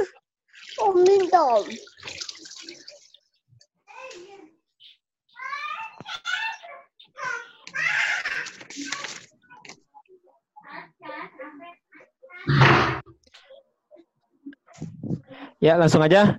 Uh, Yogi, suaranya oh, itu. Oke. Okay. Langsung aja ya. Ya, langsung aja. Bismillahirrahmanirrahim. Assalamualaikum warahmatullahi wabarakatuh. Waalaikumsalam warahmatullahi wabarakatuh. Sehat, sehat. Sudah lama oh. tak ketemu. ya, ya. ya. Gimana, gimana? Ya, pertanyaannya ini. Hmm, jadi, ketika saya ikut beberapa kajian akhir zaman gitu ya, eh, ya maksudnya nggak dari satu sumber. Kalau ini menarik ya, cuma memang di sumber yang lain itu uh, urutan-urutannya itu ini ya agak beda gitu. Ada yang satu mengatakan duhon dulu, kemudian apa, kemudian apa. Ada yang mengatakan bahwa uh, C dulu baru B baru A dan seterusnya gitu. Nah sebenarnya sebenarnya urutannya gimana sih gitu uh, supaya lebih jelas gitu. Itu sih pertanyaannya. Ya. Jazakallah Ustaz. Ya. Jadi sebenarnya saya nggak pengen masuk pembahasan soal itu sih ya. Cuman kan masalahnya begini masalahnya begini. Ini hadis-hadis tentang akhir zaman. Coba coba kita bayangkan kita menjadi kita ada pada posisi Rasulullah SAW 14 abad yang lalu lalu harus ngejelasin tentang akhir zaman yang terjadi berabad-abad kemudian ya berabad-abad kemudian ya. Kira-kira gimana menceritakannya apakah semua hal yang kita katakan bisa dipahami dengan dengan mudah Mungkin nggak semudah itu juga. Makanya banyak interpretasi sekarang. Banyak penafsiran. Kenapa? Karena cara Rasulullah menjelaskan itu nggak bisa nggak bisa gamblang. Ya, misalnya kalau Rasulullah mau menjelaskan pesawat gitu, gimana ngejelasinnya di 14 abad yang lalu? Nggak bisa, no no words, nggak ada kata-kata gitu. Ya, apa yang mau dijelaskan? Nggak bisa. Ya. Jadi eh, mau nggak mau dengan suatu cara yang lain, maka pada akhirnya orang berinterpretasi. Ya maknanya seperti apa bisa macam-macam ya. Makanya para ulama dari dulu para ulama nggak ada yang mengatakan di akhir zaman nanti teknologi hancur. Nanti kita nggak bisa punya apa-apa lagi. Kenapa? Karena dalilnya hadisnya mengatakan perangnya pakai tombak pakai pedang. Dan itu kan hadis yang para ulama udah tahu dari dulu ya. Bukan zaman sekarang aja ketahuan. Tapi nggak ada ulama menafsirkan oh berarti nanti pakai pedang pakai tombak doang juga enggak kenapa karena 14 abad yang lampau, Rasulullah SAW kalau mau menjelaskan perang, ya jelasinnya pakai pedang, tombak, dan uh, panah. Masa Rasulullah SAW mengatakan, nanti ada rudal balistik? Nggak bisa. Ya. Orang nggak ada yang ngerti. Rudal itu apa? Balistik itu apa? Ya. Nanti akan ada senjata bisa di, bisa dikendalikan oleh sonar. Apa pula itu? Ya. Nanti ada kapal selam. Ya, pusing deh. Ya. Nah itu, jadi coba coba bayangkan kita di posisi 14 abad yang lalu, cerita tentang akhir zaman. Apakah semuanya bisa dibahas secara gamblang? Enggak. Ya. Dan begitu pun Rasulullah SAW ketika ditanya kapan datangnya jadwal persisnya, ternyata beliau nggak jawab juga. Ya, artinya beliau pun nggak bisa kasih jawaban persisnya kapan. Ya. Itu jawaban-jawaban yang beliau berikan itu adalah wahyu Allah yang dikasih kepada kepada beliau, beliau nyampein. Apakah beliau tahu persis tanggal berapanya? Nggak tahu juga tuh. Kalau tahu dia pasti kasih tahu. Nyatanya nggak tahu juga. Ya. Nggak usahlah kiamat. Siapa orang munafik di barisan Rasulullah SAW ketika di Madinah, itu Rasulullah baru tahu ketika ketika Allah kasih tahu. Jadi kalau nggak dikasih tahu ya nggak tahu juga.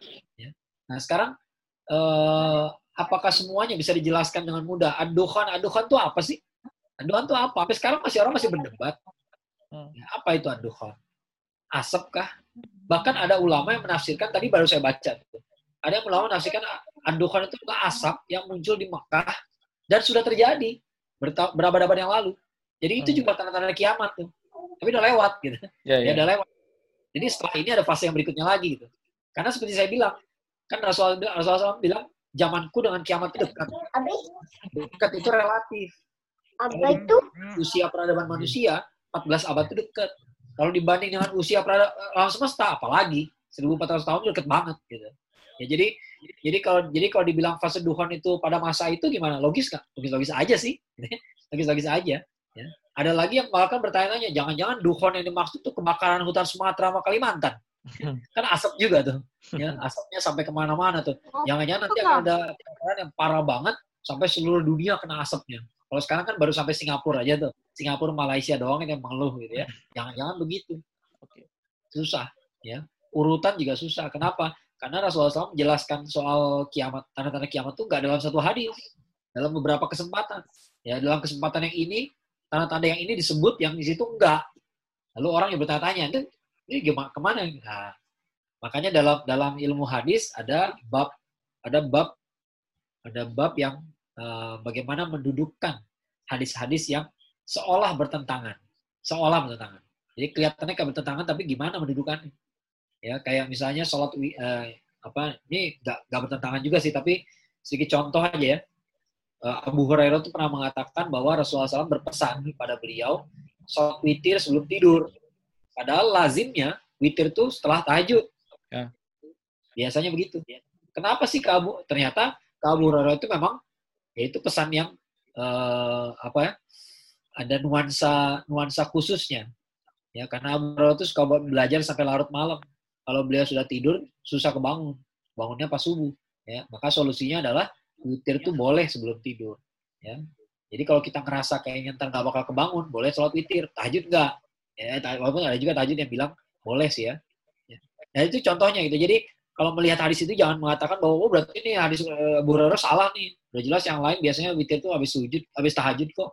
Ya, nggak begitu. Tapi ada ada kasus khusus. Ya, nah sekarang hadis-hadis zaman tuh membacanya emang gak gampang. Kalau gampang sih dari dulu udah udah udah, udah konklusi. Nyatanya sampai sekarang belum konklusif juga. Ya. Nah kalau para ulama ber, 14 abad ini berdebat belum selesai juga, saya nggak berani menyelesaikan juga gitu ya ya kalau para ulama berdebat mereka uh, berkesimpulan bahwa oke okay, kita khilaf. Khilaf itu artinya apa? Artinya ada beda pendapat ya. Kalau di antara mereka sudah ikhtilaf kalau mereka udah berdebat bertahun-tahun ilmunya lebih bagus daripada saya maka saya juga nggak ngerasa bisa menguraikan benang kusut ini. Pokoknya intinya buat saya adalah problem kita di akhir zaman itu adalah ilmu yang penting kita ini nggak masuk dalam kelompok yang salah. Yang paling penting. Ya. Kalau masalah urutannya gimana, akan terjadi apa enggak, itu udah pasti terjadi. Ada. Dan, itu sebenarnya saya ingin mendudukan itu, mendudukan, mendudukan masalah itu. Supaya kita nggak, salah kaprah, sehingga masalah yang prioritas malah kita nggak pikirin. Sementara kita sibuk dengan urutan, itu menurut saya bukan nggak terlalu nggak terlalu prioritas banget. Ya. Tanggal berapa, ada yang kan uh, cuma sampai 1500 Hijriah ya. Tanggal 15. 15 Ramadan sekarang pokoknya kacau deh pokoknya gitu ya. Bentar ini kan tanggal 12 nih udah nih. Ya. Yang belum kawin. Yang belum kawin udah tobat lah segera ya. dan dan dan yang kena fitnah itu anak jurusan matematika tuh kena fitnah bayangin Ustaz. Bayangin anak matematika sarjana matematika tuh nak uh, nge-WA. Benar itu tanggal 15 mau duhan gitu. Baru kemarin dia nanya gitu. Sarjana matematika bayangin. Ya. Mau kiamat masih belum nikah juga, ampun. ampun. ada yang ketawa loh, ada yang ketawa. Oke, selanjutnya uh, kepada kepada Alvin. Oh iya. Alvin, Alvin mau nanya, silakan Alvin. Oh iya ya. Gimana menjelaskan orang nggak mau percaya MUI akhir zaman nanti yang benar itu minoritas bukan yang mayoritas. ya. Ini salah paham ya salah paham. Mungkin dia berpikir tentang hadis yang buroba ya. Ya bahwa Islam itu akan uh, awalnya datang dengan asing dalam keadaan asing nanti akan berakhir dalam keadaan asing juga. Maka kita jadi orang-orang yang asing orang-orang buroba itu orang-orang yang selamat gitu ya. Perlu diketahui kita ini asing di hadapan orang kafir di mata orang kafir bukan di mata sesama kita. Kadang-kadang orang salah kaprah karena dibantu dibantu juga dengan hadis yang lain. Hadis yang mengatakan nanti akan 73 golongan, yang 72 sesat, yang satu benar. Lalu kita berpikir, ini ada umat, sebagian besar yang sesat. Ya, hanya satu golongan yang benar. Ya, padahal ada hadis yang lain. Ada hadis lain yang mengatakan apa? Umatku nggak akan bersatu dalam kemungkaran. Artinya apa? Artinya jumhur mayoritas umat Muhammad SAW benar. Maka yang 72 golongan itu kecil. Yang 72 itu yang kecil. Ya jadi apa uh, gambaran matematikanya gitu ya. Jangan membayangkan uh, uh, jangan membayangkan uh, himpunannya tuh yang sesat itu yang bus yang banyak ya, yang banyak yang banyak-banyak itu sesat, yang yang benar tuh kecil. Enggak, enggak begitu. Tapi yang yang satu ini besar ya, 72 itu pencilan. Nah, lihat Khawarij nggak banyak, Mu'tazilah nggak banyak, Murji'ah nggak banyak. Sebagian besar umat Islam ini wal jamaah. Jadi jangan mengatakan bahwa yang sesat itu yang banyak, oh salah. Kalau kayak begitu, kenapa dari dulu kita selalu berpegang pada jumhur ulama? Kenapa sih dalam kajian-kajian fikih selalu dikatakan jumhur ulama berpendapat A, A, A, B, C, D? Kenapa sih harus begitu? Kenapa? Karena bagi orang awam, sampai situ udah selesai. Jumhur ulama berpendapat A, B, C, D. Udah itu selamat. Ya, itu aja diikutin. Ya, kalau kita orang awam kita benar-benar nggak ngerti nih, nggak usah dibaca lagi seterusnya, udah berhenti di situ aja. Jumhur ulama berpendapat A, B, C, D udah itu benar. Ya, bukan berarti yang lain salah, tapi yang ini udah pasti benar. Ya, kenapa? Karena umatku nggak akan bersatu dalam kemungkaran. Nggak bakal mayoritas umat Muhammad SAW itu sesat, nggak bakal. Ya, jangan salah kaprah. Ya, kadang-kadang kita baca hadis yang kita mau aja. Ya, kita mau kita baca 72 sesat, yang satu benar. Wah, berarti gue yang benar, yang sesat semua. Nggak bisa. Malah ada hadis yang lain lagi. Jika Rasulullah SAW mengatakan, kalau ada orang berkata manusia sudah sesat, semua manusia sudah sesat, maka dialah yang paling sesat. Dia yang sebenarnya paling sesat. Hmm. Ya, itu kata-kata yang nggak benar. Kita ini nggak boleh berputus asa dalam dakwah. Kita nggak boleh merasa umat Muhammad paling sesat semua, nggak boleh. Ya, nggak boleh. Itu makanya saya juga selalu ingatkan, uh, ya ayyuhalladzina amanu taqullaha haqqa tuqatih wa la tamutunna illa wa antum muslimun. Orang beriman bertakwa pada Allah dan sebenarnya takwa dan jangan mati kecuali keadaan muslim. Jangan mati kecuali keadaan muslim. Nah, gimana cara mesti kita mati keadaan muslim? Wa tasimu bihamdillahi jami'an wa la. Ber, berpeganglah pada tali Allah dan jangan bercerai-berai. Jadi dengan berpegang pada pada umat Muhammad SAW bersama yang lain, kita selamat. Ya. Jadi keselamatan itu ada bersama jamaah. Ya, bukan pada pencilan. Ya, jamaah itu yang besarnya gitu. Ya, bukan pada pencilan jangan salah kaprah gitu ya. yang sedikit yang yang sesat itu yang mencela aja Islam liberal berapa banyak sih? Gak banyak. Kalaupun ada yang ngikutin mereka kebanyakan yang ngikutin mereka pun kebanyakan tertipu saja. Ya bukan bukan bukan betul-betul dengan hatinya beriman enggak ya enggak begitu. Hanya tertipu saja kena dikibulin gitu barangkali gitu ya. Nah tapi sekali lagi itu cuma cuman cuman argumen kita saja ya. Kadang-kadang banyak yang nanya ke saya gimana cara meyakinkan orang kayak begini. Saya hanya bisa ngasih tahu argumennya. Tapi kalau meyakinkan mereka apa enggak, belum tentu juga mereka yakin. Ya, kalau mereka nggak mau ya udah. Kalau mereka nggak mau terima logika ya sudah. Kalau mereka nggak mau terima dalil, nggak mau terima hidayah ya, yang kita hadapi juga orang dewasa. Ya, jadi mereka juga harus memutuskan mereka mau terima hidayah apa enggak. Ya, kalau mereka mau terima kata-kata Rasulullah SAW atau enggak ya, itu keputusan mereka juga. Jadi jangan kecil hati ya kalau kita udah kasih argumen, mereka nggak mau terima juga ya udah selesai ada lagi ya, uh, Rahadian selanjutnya ini Ayu cuma pokok aja nih Rahadian mana uh, orangnya ada ada ada, ada. Nah, lagi. Bismillahirrahmanirrahim. Assalamualaikum warahmatullahi wabarakatuh. Waalaikumsalam warahmatullahi wabarakatuh. Uh, Ustadz, saya mau nanya perihal Saibaba. Uh, pendapat Ustadz bagaimana Soalnya katanya mukjizatnya aneh-aneh gitu. Uh, ada uh, ada yang bilang bisa terbang, ada yang bisa menciptakan sesuatu dari tang layan tangannya gitu dan lain sebagainya. Mungkin itu aja Ustaz. Ya. Menurut saya saya Babang nggak perlu dipikirin lagi. Kenapa? Karena udah mati. Oh, udah mati. Saya Baba udah mati tahun 2011. Jadi udah pasti dia bukan Dajjal. Sai Baba. Baru tahu. Masalah kok dia bisa hidupin orang segala macam, ya namanya sulap barangkali. David Copperfield bisa ngilangin patung Liberty. David Copperfield bisa ngilangin patung Liberty. Jadi bisa-bisa aja. Ya namanya trik bisa-bisa aja. Atau mungkin memang sihir, bisa aja. Ya, Tapi yang pasti bukan aja. Apa? Udah mati? Ya, udah mati 2011. Ya cari aja lihat ya. Ya, seingat saya 2011 udah meninggal. Gak usah dikhawatirkan lah ya. Itu udah pasti bukan Dajjal, nggak perlu kita khawatirkan lagi dia bukan problem lagi zaman ya ya bukan problem. sama kayak Ahmadiyah sih ya Ahmadiyah tuh aneh ya karena menganggap bahwa Mirza Ghulam Ahmad tuh adalah Nabi Isa salam atau Imam Mahdi. Padahal dia udah meninggal kapan? Ya. Padahal Imam Mahdi kan harusnya mengantarkan kita pada akhir zaman. Ini uh, Imam Mahdi udah meninggal, tapi anehnya orang masih percaya sama dia. Itu misterius buat saya gitu ya. Gimana ya argumennya supaya orang bisa percaya dengan cara kayak gitu ya. Saya Baba itu emang, emang kisah kisah itu menarik ya. Beliau banyak keajaibannya, banyak bisa bikin banyak keajaiban. Tapi menurut saya nggak usah dimasalahin lagi lah. udah, udah udah udah selesai juga dia berusaha. Siap siap jelas Tad. Jazakumullah Tad. Oke. Uh, selanjutnya, selanjutnya masih ada. Halo, Sat. Mau bertanya, Sat. Ya, silakan. Sebutkan namanya. Oh, ya. Assalamualaikum warahmatullahi wabarakatuh. Nama saya Alwi dari Bandung, Sat. Mau bertanya, Sat. Alwi, Sat. Dari SPI Bandung, ya. Uh, anda pernah dengar hadis gini. Hadis tuh bilang, uh, akak salah satu tanda kiamat itu adalah Al-Quds bebas, Sat. Nah, cuman yang saya ingat itu, setahu saya dalam sejarah Islam Al-Quds itu udah bebas dua kali di masa Umar sama masa Salahuddin Al-Ayyubi. Nah itu pertama bagaimana kita memahaminya, kedua apakah dengan apa propaganda-propaganda seperti itu melemahkan perjuangan gitu saat takutnya kayak eh ngapain kita memerdekakan Palestina nanti kita kiamat gitu, ini nggak usah kayak gitu. Gitu di saat. Terima kasih saat. Ya. Nah itulah contohnya peliknya peliknya hadis akhir zaman gitu. Ya sama kayak tadi aduhon, aduhon itu artinya apa sih? Asap. Asap apa? Apakah nanti tanda-tanda akhir zaman adalah banyaknya misalnya gitu, ya kan banyak asap juga tuh, ya atau kebakaran hutan, atau asap yang mistis, asap yang macam apa? Uh banyak macam-macamnya.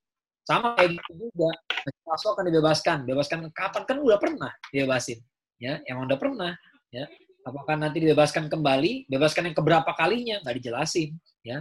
Cuman itu uh, apa orang akhirnya menangkap menangkap uh, pesan bahwa memang masih Aqsa itu akan jadi objek dari sengketa terus menerus nggak selesai selesai tapi nanti di akhir zaman selesai memang di memang di akhir zaman semua masalah selesai masalah umat itu selesai umat Islam akan jadi pemenang ya akan menguasai dunia dan dunia ini akan akan makmur dipimpin oleh Imam Mahdi ya selama beberapa tahun ya nah jadi nggak uh, akan apa memang salah satunya ya Masjid Aqsa masalahnya selesai gitu ya. Nah, apakah akan melemahkan uh, perjuangan umat apa enggak? Itu tergantung kita. Kita ya, makanya tadi saya buka ceritanya dengan ini bukan masalah hadisnya ada apa enggak, hadisnya udah, udah ada. Masalahnya Anda ngerti nggak amanah di balik hadis itu? Ya. Sekarang mengatakan bahwa Masjid Aqsa akan uh, dibebaskan kembali. Kan sama aja kayak Rasulullah dulu mengatakan Konstantinopel akan dikuasai dikuasai oleh umat Islam oleh uh, sebaik-baiknya uh, prajurit, ya. Nah, ternyata para sahabat punya respon yang bagus. Responnya apa? Gua mau jadi bagian dari situ. Nah, itu respon yang cakep-cakep tuh. Ya, jadi bukan responnya yang diharapkan tuh bukan, oh, ntar bakal beres. Ya udahlah, tetap gua aja. Nah, itu responnya salah. Para sahabat nggak begitu responnya. Begitu dengar nanti sebaik-baiknya prajurit akan bebaskan Konstantinopel, itu mereka berbaris. Saya mau ikutan. Saya pengen jadi salah satunya. Ternyata, Allah terjadi jauh dari zaman sahabat kan ya bukan di zaman beliau ya zaman beliau tapi respon para sahabat itu yang benar gitu itu respon yang benar ya. nah itu yang kenapa saya awali bahasan saya dengan itu jadi kadang-kadang kita ini baca hadis yang sama tapi respon kita beda ada orang baca hadis akhir zaman responnya adalah ya udahlah ya ya udahlah ntar juga bakal beres sendiri ya itu bukan respon yang benar ya kenapa karena seperti saya bilang tadi belum tentu kita di posisi yang benar Gimana sih cara supaya kita di posisi yang benar? Ya tadi, wa tasimu bihablillah jami'a wa. Kita harus mepet sama saudara-saudara kita. Saudara-saudara kita lagi berjuang, terus kita pengen menang sendirian. Artinya mereka yang berjuang, kita yang menang. Gak bisa. Anda mau jadi pemenang, Anda barengan bareng mereka. Ya, Anda merapat sama mereka. Anda berbuat sesuatu. Gak bisa kita diam-diam aja selamat, gak bisa. Ya, gak bisa. Kalau ada tugas ya kita ambil. Ya. Kalau ada masalah kita selesaikan. Kita nggak bisa diem-diem aja, toto di akhir zaman kita berada di barisan Imam Mahdi. Oh enak banget. Nggak bisa begitu. Kita harus melatih diri kita dari sekarang. Nanti itu fitnah akhir zaman tuh paling berat. Perangnya perang yang paling keras, paling berat sekali. Kalau sekarang aja kita udah lari dari tugas gimana? Kalau sekarang kita udah ongkang-ongkang kaki, ya paling-paling saya bilang kasarnya nih, kalau saya sering ngeledekin aja gitu ya orang kayak begitu berpikirnya gitu ya. Saya akan jawab aja, ah paling-paling juga lu jadi pengikut dajjal nanti. ya sorry sorry aja gitu kenapa karena nanti akan berat sekali cobaannya akan berat ya nggak gampang ya selalu begitu kok emang kalau jadi sahabat Rasulullah SAW emang gampang. Ya, emang gampang jadi sahabat Rasulullah SAW? Gak gampang bos. Ada yang disiksa, ada yang menderita, ada yang harus miskin, ada yang harus di, diusir sama keluarganya. Waduh, ya. Nah kalau kita uh, sekarang lagi puasa nih, lagi saum ya, lapar saum aja kita udah nggak kuat. Yakin besok jadi pengikut Imam Mahdi. Wah itu, ya. Itu makanya saya bilang tadi sekali lagi, kita baca, lalu pahami amanahnya apa. Apa sih yang Allah dan Rasulnya kehendaki dari kita, dengan bercerita tentang deskripsi ini. Jangan deskripsinya doang yang dibaca. Ya, nanti akhir zaman akan gini gini gini. Oh, nanti kita tungguin aja. Oh, bukan tungguin. Ya, lagi pula logika menunggu itu sudah dibantah oleh Rasulullah SAW dalam hadis yang lain. Hadis yang teman-teman pasti tahu. Ya, di mana Rasulullah SAW mengatakan kalau kamu tahu besok kiamat, sementara di tangan kamu ada tunas tanaman, maka tetaplah ditanam. Padahal besok kiamat, boro-boro tumbuh, ya, tapi tetap ditanam. Karena menanam tunas itu adalah kebaikan. Jadi kebaikan apa pun kerjain walaupun nggak sampai ke hasilnya, nggak sampai nyampe hasilnya. Ya, itulah ya. Jadi makanya meluruskan mentalitas umat ini penting sekali. Nah ini akhirnya Ayu nanya juga nih. Jawab aja ya. Bagaimana pendapat Ustaz mengenai pendapat bahwa yang akan memimpin kebangkitan umat Islam adalah Bani Melayu? Loh, kok bisa sadis? ya. Apakah memimpin kebangkitan umat adalah Bani Melayu? uh, Nabi aja nggak nggak menyatakan secara terus terang kok. Jadi gimana saya mau mengatakan secara definitif bahwa jawabannya adalah iya dan tidak? Gimana? Nabi aja nggak ngasih jawaban begitu kok. Ya. Tapi apakah kita berharap? Boleh-boleh aja berharap. Ya. Apakah kita akan bersiap? Boleh-boleh aja bersiap. Sekarang gini, sekarang saya tanya sebaliknya. Saya tanya sebaliknya. Kalau ternyata bukan Bani Melayu, apa yang antum berbuat? Apakah antum akan putus asa? Ya udahlah, bukan kita jadi males. ya jadi nggak asik nih akhir zaman nih. Ternyata bukan dari Indonesia kebangkitan. Ya ternyata bangkitan dari mana? Somalia. Ah nggak asik ya nggak asik jauh. Ya udahlah kita nggak diem aja lah. Nggak begitu kan? Tetap aja kita berbuat. Antum begitu tahu Imam Mahdi adalah orang Quraisy kecewa nggak ada nggak yang kecewa? Tiba-tiba mengatakan ya kenapa nggak orang Bandung? Kenapa nggak orang Cisitu? Kenapa nggak orang Tegalega kenapa nggak orang Tubagus ya, Ismail? saya tadi udah dua, dua kali di sana. Ya dengar kan ya. ya. kita kan nggak kecewa kan? Ya artinya tetap aja kita akan kita akan akan merapat bersama umum. Ya nah jadi kalau ada interpretasi karena karena data ya silakan silakan aja. Kalau ada yang berharap wah ini barangkali uh, akan kesempatan kita. Nah, kalau kayak gitu, nadanya kayak gitu masih bagus tuh. Ini kesempatan kita untuk menjadi umat Muhammad yang terbaik di akhir zaman. Mungkin ini kesempatan, kehormatan buat orang Melayu. Wah, cakep tuh. Tapi kalau akhirnya adalah kita orang Melayu lebih hebat daripada yang lain, Islam Nusantara gitu ya. Nah, itu gak asik tuh. Itu udah asobia. Ya, asobia. Jangan ke Arab-Araban. Jangan ikut-ikuti orang Afrika. Jangan ikut. Ah, gak asik. Nah, asobia udah gak benar. Ya, udah gak benar. Ya. Jadi, kalau uh, dalam rangka fastabikul khairat, boleh lah, boleh ya silakan ya. Tapi sekali lagi Rasulullah SAW nggak pernah mengatakan terus terang ya akan mulai dari bani Melayu ke bani mana gitu ya, bani Afrika gitu ya. Gak ada yang nggak bilang terus terang begitu. Jadi kita juga nggak bisa mengatakan pasti, pasti pastian nggak bisa. Ya. Berusaha lebih akhirat bagus. Asobiah itu nggak bagus sama sekali. Ya jangan sampai. Nggak benar. Nanti kayak Yahudi. Yahudi itu kan asobiahnya luar biasa. Ya, Yahudi itu sebenarnya luar biasa. Dia ngerasa dia anak Tuhan.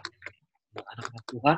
Yang lainnya uh, apa ya? Yang lainnya produk gagal. ya, Bani Israel itu merasa dirinya anak Tuhan, yang lain produk gagal. Kita nggak boleh kayak begitu. Oke. Okay. Yang pertanyaan terakhir ada? Ada yang mau bertanya? Itu pertanyaan terakhir. Dari Mbak. Nah, ya silakan silakan apa penyebab fenomena banyaknya kajian akhir zaman?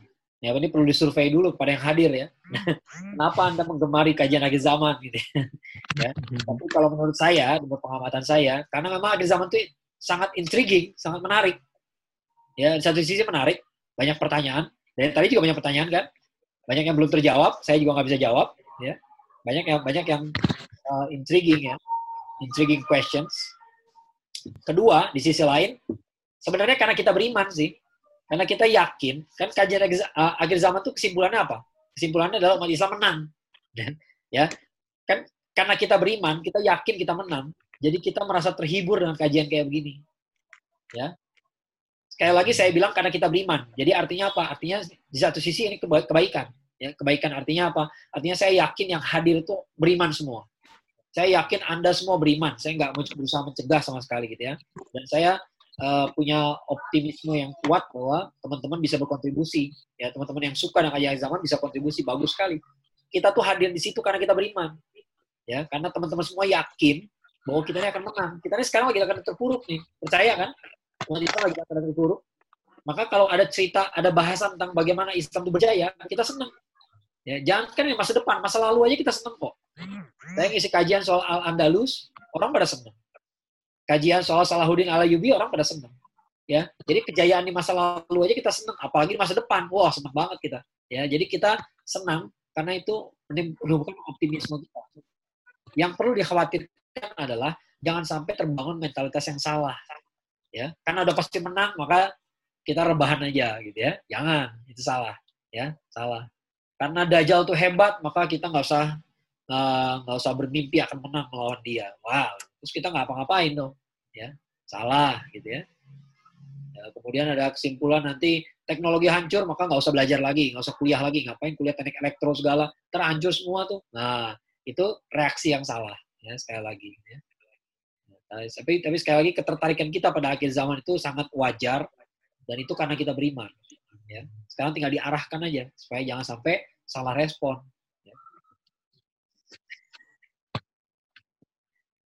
Apa efek buruk terlalu gandrung dengan kajian akhir zaman? Sebenarnya tergantung-gantung dengan dengan semua macam kajian sih. Jangan sampai teman-teman semua uh, ini ini salah satu penyakit orang ya. Kadang-kadang orang bersikap seolah-olah masalah itu satu sisi doang. Masalah itu cuma satu sisi. Memang masalah kita hanya kiamat. Ya, gimana kalau kiamat itu terjadi nanti setelah kita udah meninggal? Kita nggak pernah ketemu kiamat. Ya, berarti ilmu kita percuma dong, bukan percuma ya. Tapi memang ada porsinya. Ya ada juga saat di mana kita harus belajar cara sholat yang benar. Kita harus belajar cara mencari uang nafkah yang benar. Kita harus belajar bagaimana menghadapi perang pemikiran. Jangan cuma perang akhir zaman terus. Ya masalah kita nggak satu. Ya itu kan itu kenapa? Makanya walaupun saya aktif di Indonesia tanpa jil kita mengatakan bahwa jil itu masalah yang paling berat. Harus fokus masalah Islam liberal. Nggak pernah saya mengatakan begitu. Karena itu saya sangat menyambut kalau ada yang mau berkonsentrasi pada masalah kristenisasi. Kalau ada yang mau berkonsentrasi pada masalah syiah. Kalau ada yang mau berkonsentrasi pada masalah ekonomi syariah, ekonomi umat, ada yang masalah pendidikan. Wah, cakep. Itu semua harus digawangin tuh. Ya, bukan berarti kita harus fokus pada satu yang lain dicuekin. Ya. Nah, itu efek buruknya. Ya, jangan jangan terlalu gandrung dalam arti uh, menganggap lalu berpikir satu dimensi gitu. Seolah masalah umat itu cuma satu doang. Enggak, masalah kita banyak. Ya. Banyak saya jumpai orang kayak begitu. Orang yang sangat concern sama masalah ekonomi, misalnya dia berbisnis, ya. Lalu dia sinis sama semua orang yang nggak berbisnis. Orang Islam tuh harus berbisnis, segala macem. Udah jelas orang ini sibukannya nggak memungkinkan dia untuk berbisnis lagi. Gitu ya. Dia ustad, sempet ya, nggak sempet orang seperti seperti susah Ya, jadi gak akan semua orang harus jadi bisnismen. Gak akan semua orang harus jadi harus ngurusin jail. Gak akan semua orang harus ngurusin syiah. Gak akan semua orang harus ngurusin ekonomi, militer, politik. Gak akan semua orang. Kita harus bagi-bagi tempat. Ya. Tapi gak ada salahnya kita tahu semuanya. Ya sedikit-sedikit gitu ya. Kita tahu, oh ada masalah ekonomi.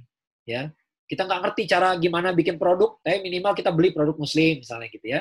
Ya, pengetahuan kita sebatas itu aja. Ya, barangkali gitu untuk dalam hal itu gitu ya.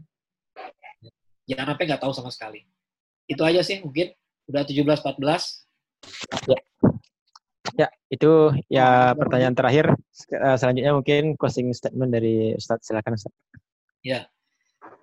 Saya mungkin sekarang mau ulangi saja sekali lagi uh, problem akhir zaman itu semuanya ilmu. Karena Dajjal itu datang dengan berbagai tipuan, bukan tipuan dalam bentuk narasi, tapi dia bisa kasih bukti itu yang berat sekali gitu ya.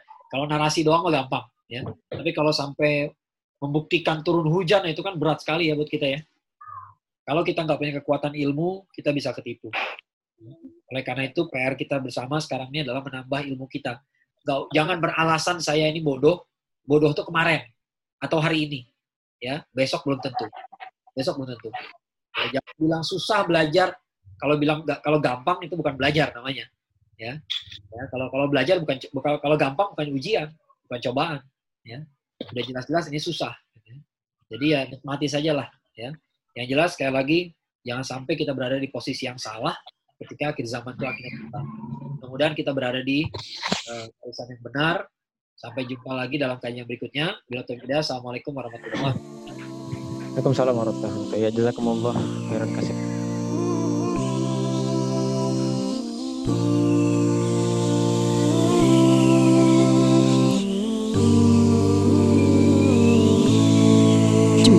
Ramadan